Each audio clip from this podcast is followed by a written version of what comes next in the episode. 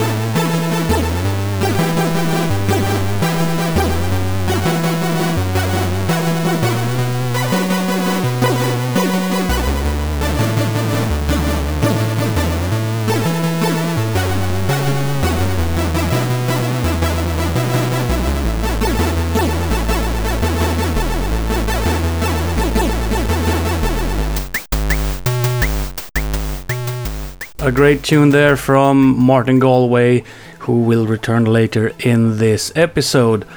Um, we have been reached by the news that SID composer Johannes Bjerregaard has been diagnosed with cancer. Johannes did music for a couple of games, but is mostly known for his work in the demo scene. He was, among other things, a member of the, the famous group Maniacs of Noise Johannes is originally from Denmark but has since moved to Texas. And as you know, the medical expenses in America is quite extensive. And if you want to support him financially, there is a Bandcamp page set up where you can buy an album of remixes of Johannes' music. Uh, to support him if you would like to do that. I am putting the link in the description of the episode but you can also try googling Johannes Bjerregaard Bandcamp, and Google will probably help you find it no matter how you spell it. So I thought that I would play for you what is my personal favorite of uh, Johannes's music, and that is the title music for the game Eagles.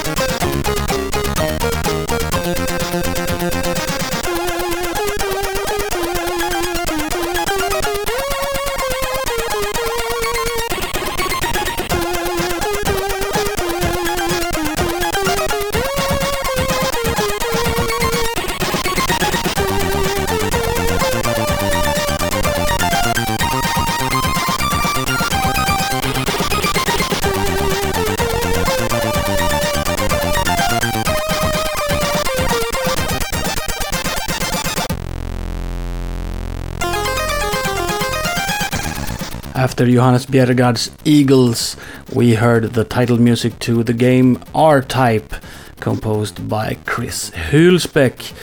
And as you might know, R-Type is an arcade original. However, as has been the case previously, the title music of the 64 conversion is an original composition, while the other in game music and such has been converted from the arcade original. Now we're going to talk about some of the interesting techniques that people used when composing music on the C64. And for this, I will have to do two things. One is um, read my notes, so that might sound a bit more stiff than usual. Uh, and secondly, I need a can of Pepsi.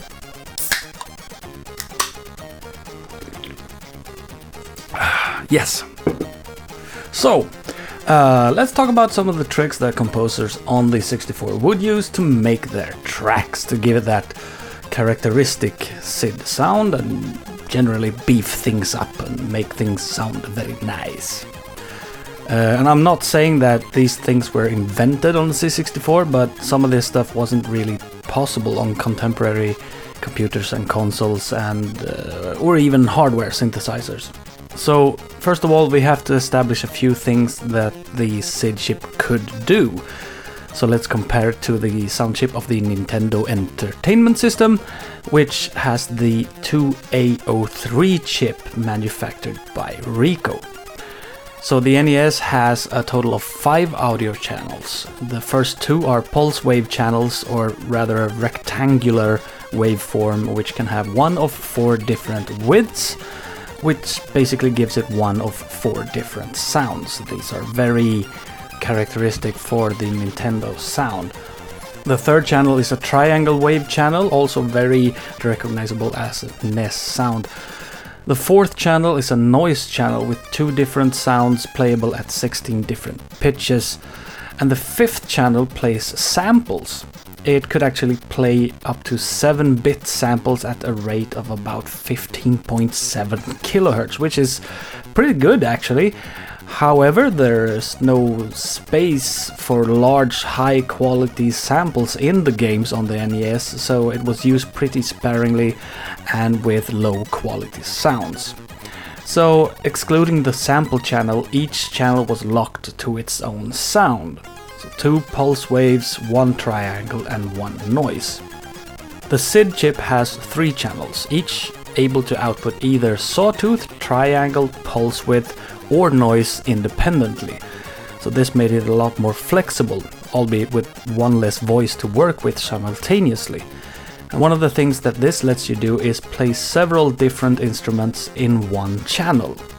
So the space between notes of one instrument could be filled up with other sounds, sometimes giving the impression of more channels being used. So let's use the music that we just heard from the game R-Type by Chris Hulsbeck to exemplify this. This is from channel 1, which switches between different sounds to play both a bass line and the drums in the same channel.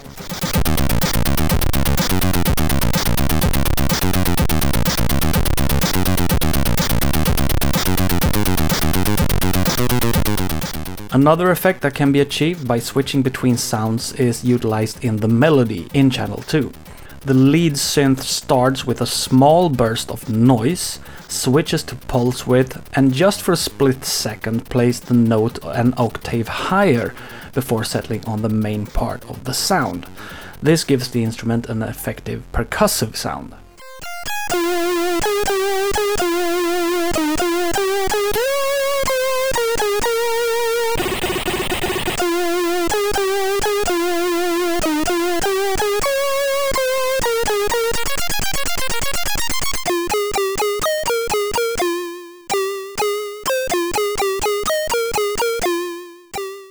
Next is the sound which is really characteristic and perhaps even defines the C64 sound.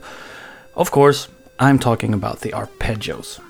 Being starved for channels and wanting to use chords, you can utilize the age old trick of the arpeggio. And Wikipedia tells me that it is useful when playing monophonic instruments or singing in order to express chords or, quote, create rhythmic interest. What it is is simply playing the notes of a chord in sequence. On the C64, this was usually done at such a high speed that the resulting warbling noise sort of kind of made you feel like there was a chord being played. And this happens in channel 3 in the R type tune.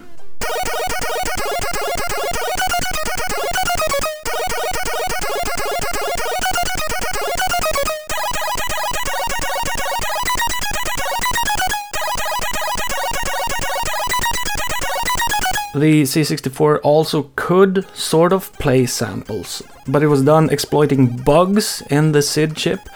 Certain volume registers would create clicks, and if you would fiddle enough with that, you can make the noises sound like low bit samples. With the later versions of the SID chip, these bugs were corrected, so this method of playing samples didn't work as well but it was possible, although it wasn't really supposed to be.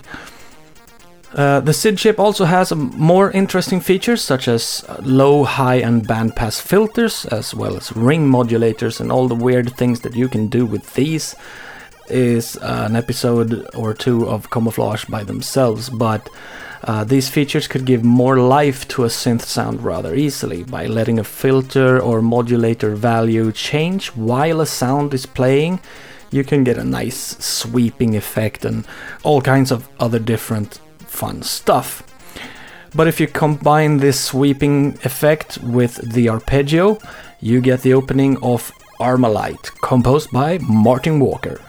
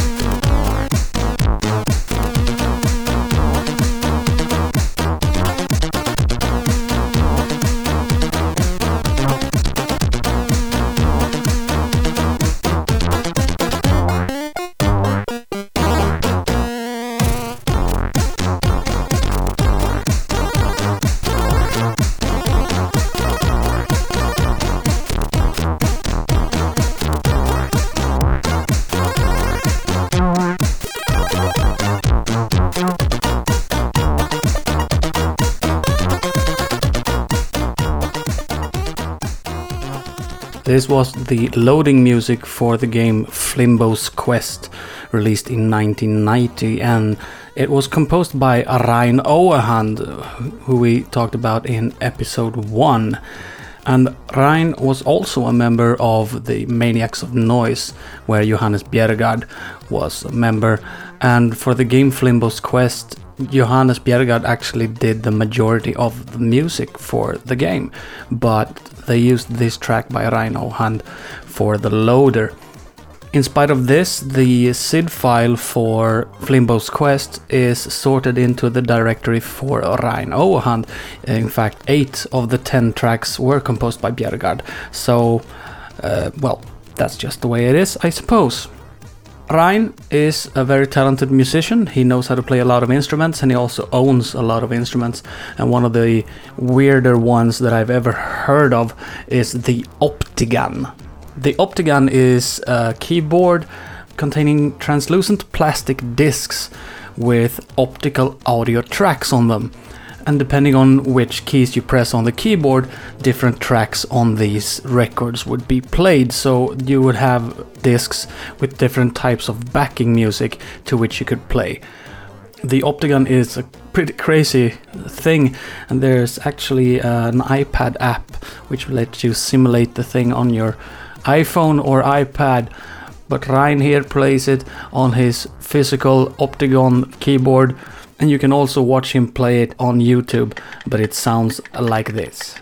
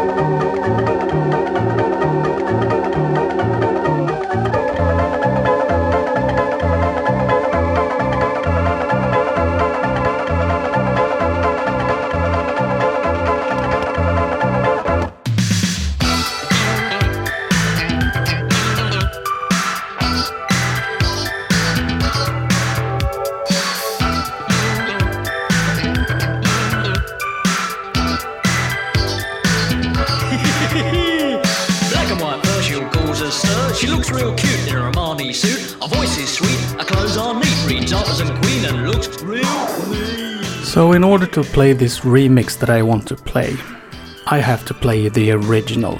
And in order to play the original, I have to put it in some kind of context. So that's why you're listening to this uh, thing.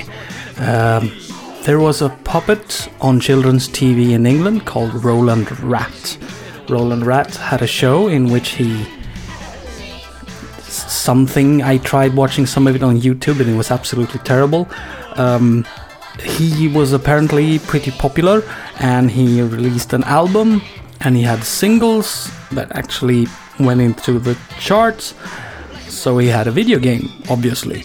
And when Martin Galway made the soundtrack for the game, he luckily had this album so he could just copy this music and not have to spend his fantastic musical intellect on composing something really good for something which is obviously pretty crap. So the SID version of the track that you're listening to right now sounds like this.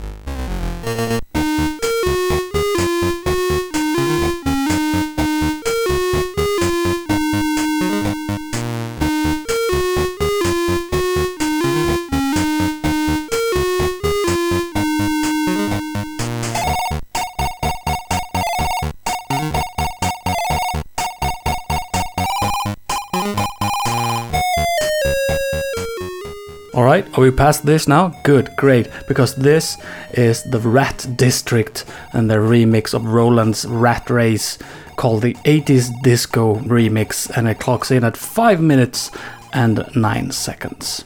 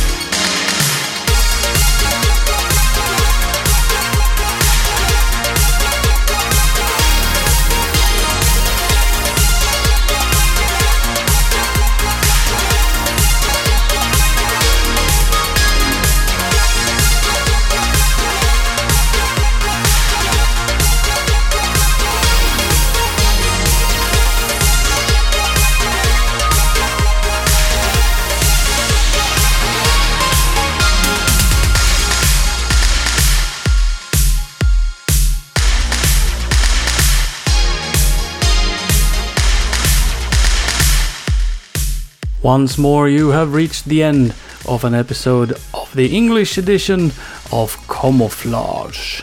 You have done well, and I will reward you with one more remix before the silence is upon you.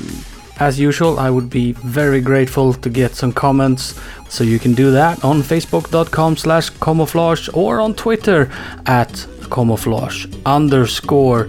And the last thing that you will hear before everything turns black is Iridium's remix of the high score music from Wizball named The Celebrations. Ah, yeah?